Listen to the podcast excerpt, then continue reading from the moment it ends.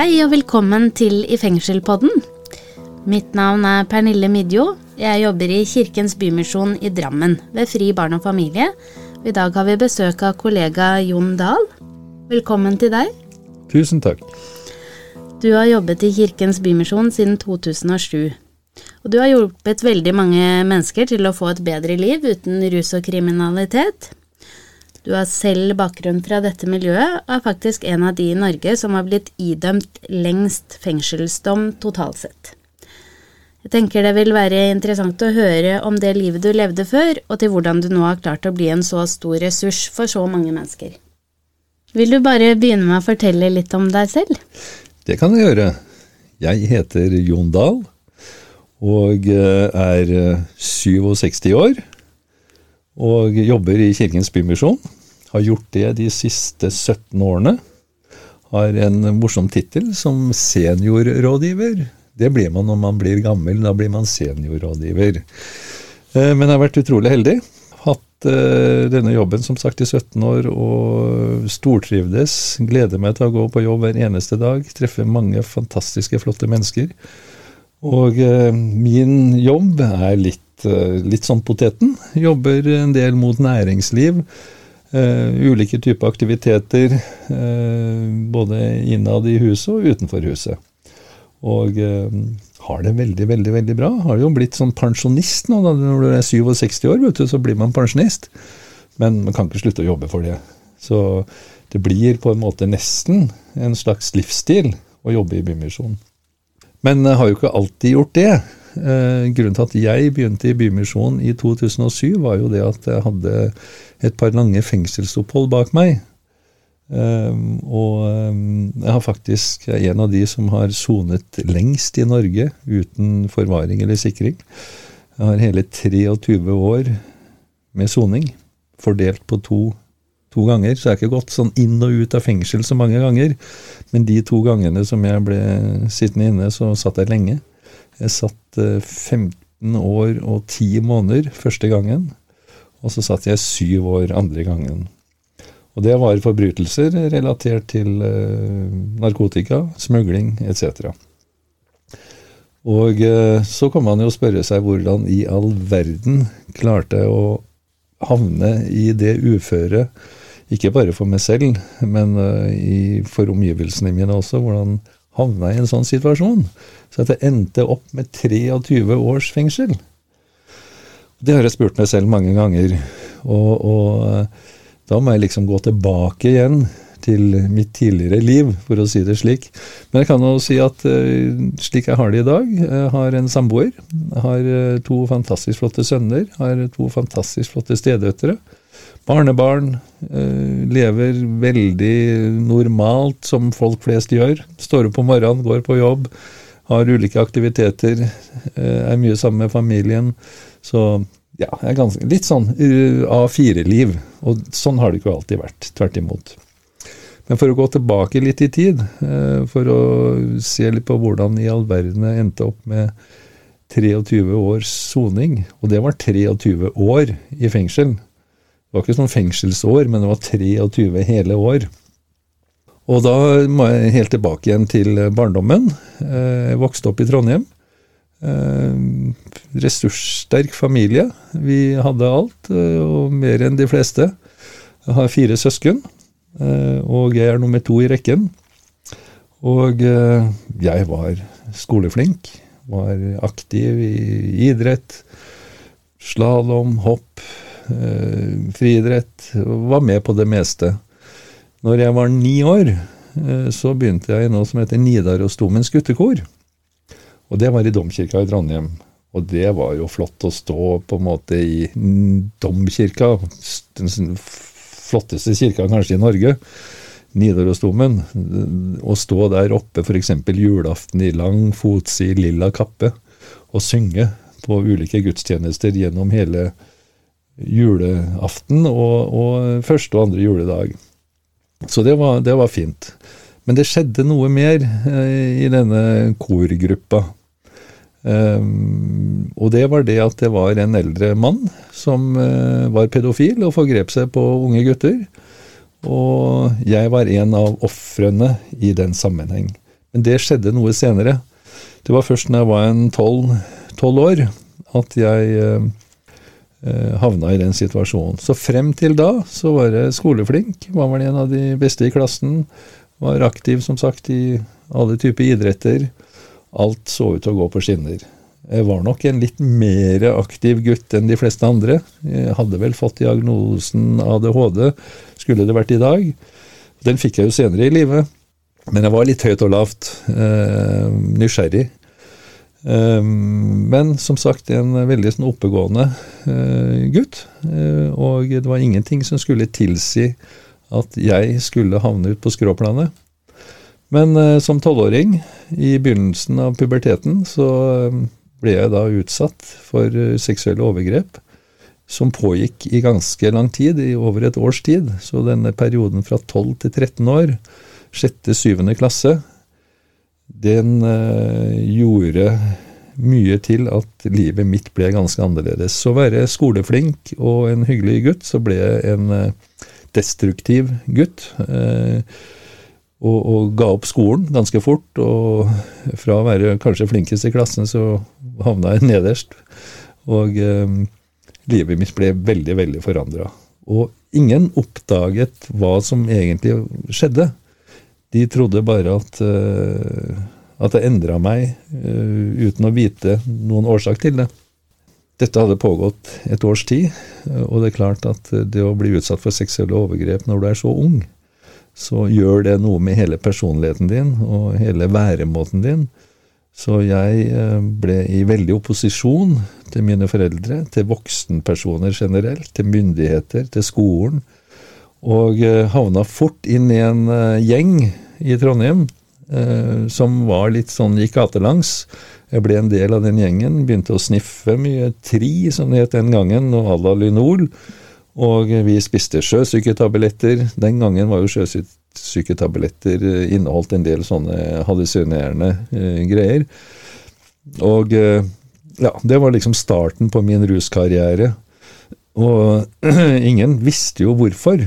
Og, og foreldrene mine var jo kjempefortvilte. Skolen kjempefortvilte. Alle rundt meg var fortvilte, mens jeg bare endra meg totalt. Eh, det gikk så langt at jeg ble kasta ut av skolen i åttende klasse til jul. Da, det, da, da kunne de ikke ha meg på skolen lenger. Og da ble jeg også lagt inn for første gangen i psykiatrien, 14 år gammel. Tvangsinnlagt på et psykiatrisk sykehus og lå på lukket avdeling der i, i tre måneder. Og det er klart, 14-åring, tvangsinnlagt. Foreldrene mine som hadde på en måte skrevet under på at jeg skulle legges inn. Eh, og det ble jo enda, da ble jo enda mer opposisjon til foreldrene mine. Tenkte at dette gjør det, dere mot dere, din egen sønn. Og så fikk jeg et veldig anstrengt forhold til både faren min og moren min, spesielt faren min. da. Jeg var der på denne psykiatriske sykehuset i tre måneder. Og eh, jeg rømte ifra det psykiatriske institusjonen en vinterdag i mars. Og eh, under det oppholdet så klarte ikke legene, verken psykiatere eller psykologer eller andre, å få hull på byllen. Hva var det som skjedde? Hva var det jeg hadde gjennomgått som barn? Eh, alle stilte bare et stort spørsmålstegn. Eh, men var jo, dette var forbundet med mye skam, skyldfølelse eh, etc., som det ofte gjør når du blir utsatt for seksuelle overgrep. Snakka ikke med noen om det, delte ikke mine erfaringer med noen. Gikk og bar på dette inni meg. Og, og, dette var nok en direkte årsak til at jeg havna inn i et ganske sånn sterkt og kraftig rusmiljø i Trondheim. Etter at jeg rømte fra Haukåsen psykiatriske sykehus, så dro jeg til eh, København. Bodde i Kristiania i mange måneder. Jeg hadde en far som eh, eh, kom til København og lette etter meg. Jeg var jo etterlyst. Faren min gikk rundt med et bilde av meg i Københavns gater og lurte på om noen hadde sett meg, og etter en måneds tid så fikk han napp og fant meg, og ville at, selvfølgelig at jeg skulle hjem. Men da var det dette med stolthet igjen. og og jeg skulle ikke hjem. Og skulle jeg først hjem, så skulle jeg ikke bli henta av min far, da skulle jeg hjem på egen hånd. Men i den perioden i, i København så fikk jeg jo også um, tilgang til andre typer rusmidler, bl.a. morfin. Så jeg starta en veldig tidlig ruskarriere med sterke stoffer. Um, men etter noen måneder så fant jeg ut at jeg ble lagt inn på sykehus i København. Uh, og jeg var jo som sagt 14, 14 år gammel. Og uh, da var det en sykepleier som sa til meg at du, hvis du skal overleve Eh, så må du dra hjem til Norge. Og det skjønte jeg jo da at det måtte jeg gjøre etter hvert. Så eh, jeg kom meg hjem til Norge, eh, var i behandling som dagpasient på denne psykiatriske institusjonen i et par-tre måneder. Og så begynte livet på en måte å gå litt greit igjen. Fremdeles var det ingen som visste hva jeg hadde vært igjennom. Det er en veldig sterk historie du forteller, og du begynte jo veldig tidlig inn i det miljøet, og det du forteller om seksuelle overgrep, er jo eh, veldig mange andre jeg har snakket med, som eh, opplever noe lignende, også starter med rus av det. Mm. Jeg har jo truffet veldig mange opp gjennom årene av eh, soningsvenner. Eller kamerater, for man blir jo både venner og kamerater på innsida av murene. Og mange av de har det til felles at de har vært utsatt for seksuelle overgrep. Og, og, så det er, det er egentlig det, det, snakkes, har vært snakket altfor lite om det. Heldigvis så begynner jo det å bli noe som folk flest tør å snakke om. Og for gutter, det er mye skam, som sagt. Det er mye skyldfølelse. Det er mange ting forbundet med det. Og så er jo jeg av den oppfatning at uh, å unnskylde sine handlinger, å unnskylde de handlingene som gjorde at jeg ble sittende 23 år i fengsel, det er ikke det er ikke noe jeg prøver å unnskylde. Man må ta ansvar for det man har gjort. Men jeg har prøvd å finne årsaken til at det gikk som det gikk. Og da har jeg i hvert fall et utgangspunkt i disse seksuelle overgrepene som gjorde at jeg ble en veldig destruktiv og, og, og umulig fyr å ha med å gjøre. Eh, men så har livet gått litt sånn opp og ned i ungdomsåra. Jeg var jo inne i et, i et knallhardt rusmiljø og var litt inn og ut av psykiatrien. Men jeg fikk litt utdannelse underveis også. Som 18-åring så ble jeg gift og fikk et barn. En sønn. En flott gutt. Men jeg hadde jo denne bagasjen, denne ryggsekken med meg, som jeg ikke klarte å, å tømme, eller å og, jeg bar på den eh, gjennom Har gjort det for så vidt gjennom hele livet. Eh, så det har gjort sitt til at eh, rus eh, har jo vært en stor del av livet mitt i alle, alle år. Og det har vært ulike rusmidler. Det har vært kokain, amfetamin, eh, LSD, ecstasy, heroin endte det opp til, til, slutt, da. Så jeg fikk min første dom i 1986. Da hadde jeg um, vært etterlyst og ble arrestert i Portugal. jeg etterlyst av Interpool. Og eh, da eh, ble jeg sittende fire år i portugisisk fengsel, og det var knalltøft.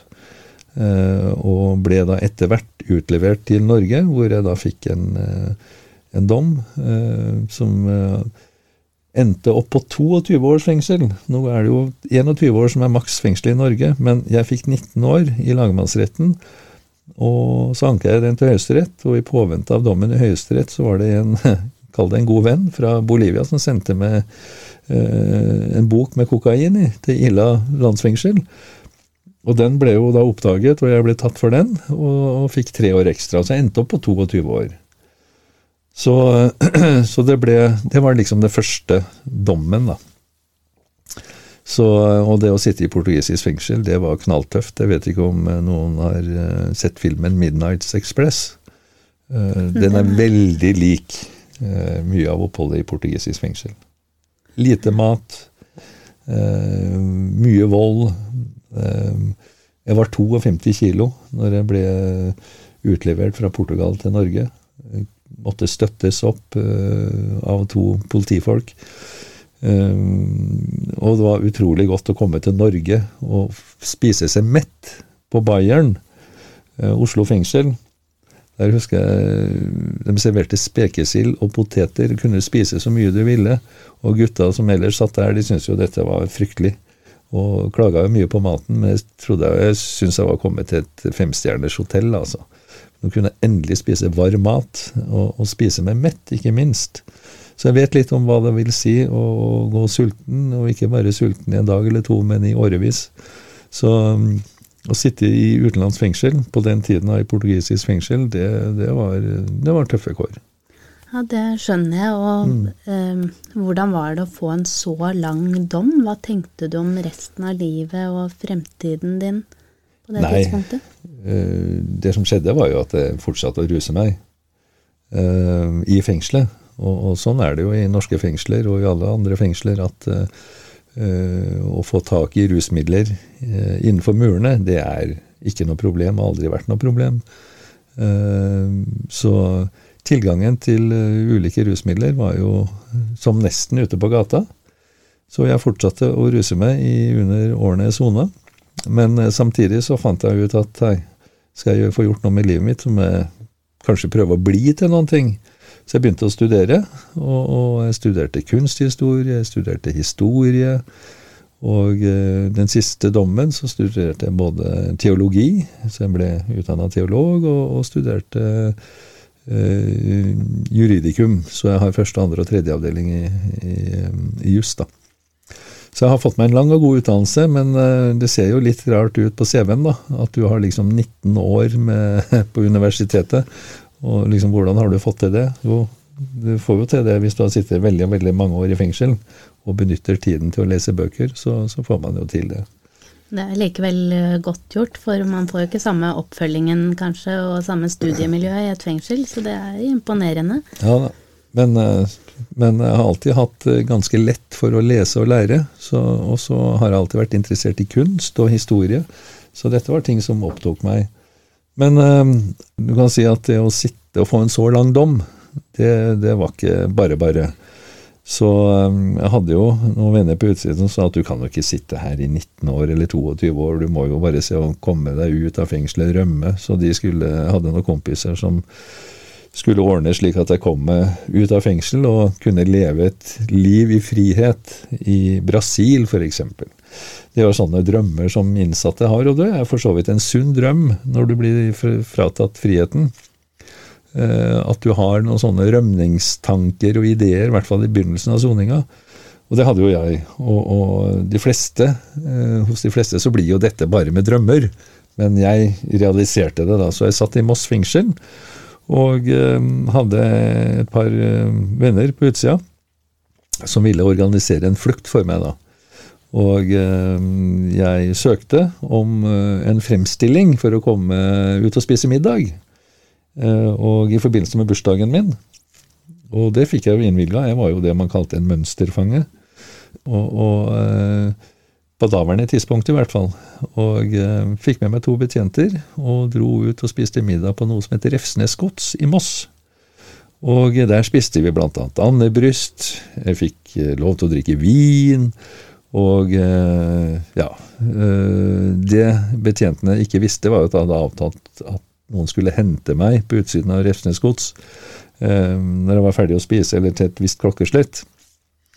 Og eh, når vi hadde spist ferdig, og jeg hadde gjort opp regninga, så sa jeg at, eh, til disse to betjentene at eh, da tar jeg en tur på do. Og, og eh, når jeg ikke kom tilbake, så begynte de å ane uro, men da var jo jeg allerede inne i en bil som sto på utsiden av Ressets gods, og da var flukten på en måte starta. Så vi spiste andebryst, og jeg ble jo ganske kjent for det eh, i media.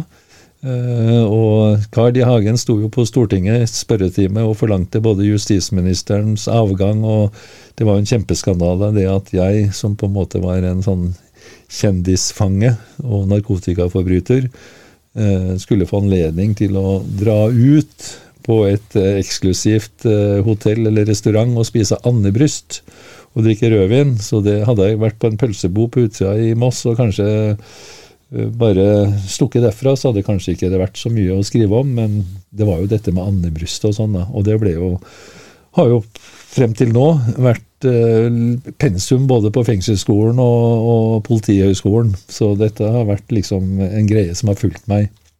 Og da må jeg jo si det, jeg heter jo Jon Dahl. Det, Jon har jeg jo alltid het.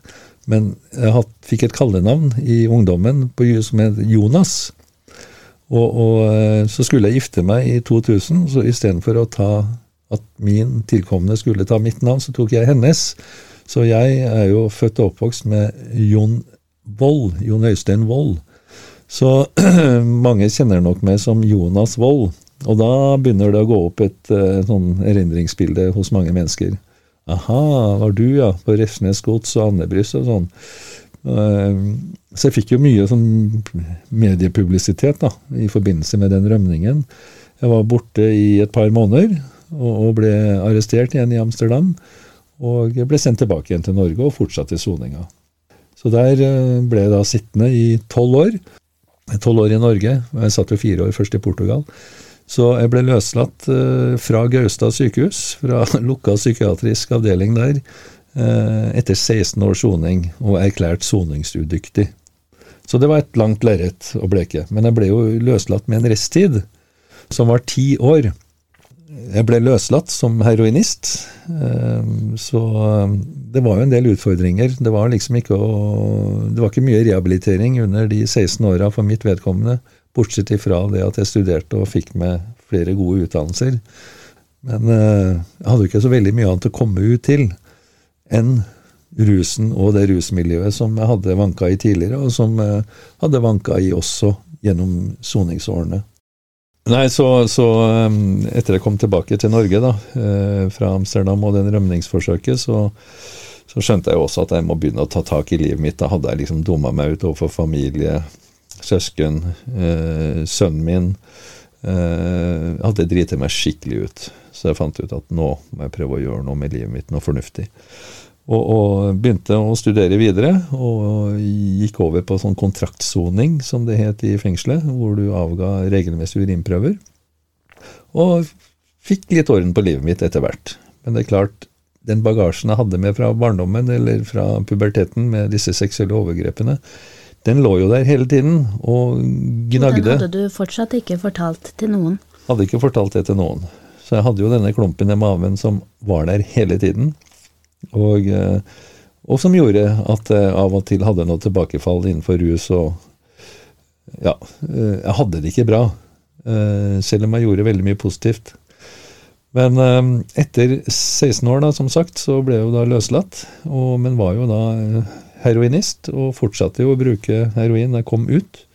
Traff en fantastisk hyggelig dame. Vi ble samboere. Vi fikk en sønn sammen. Og, og, livet så ut til å gå veldig på skinner. Det ingen visste, var at jeg levde et dobbeltliv. Eh, et liv i rus og et liv som familiemann.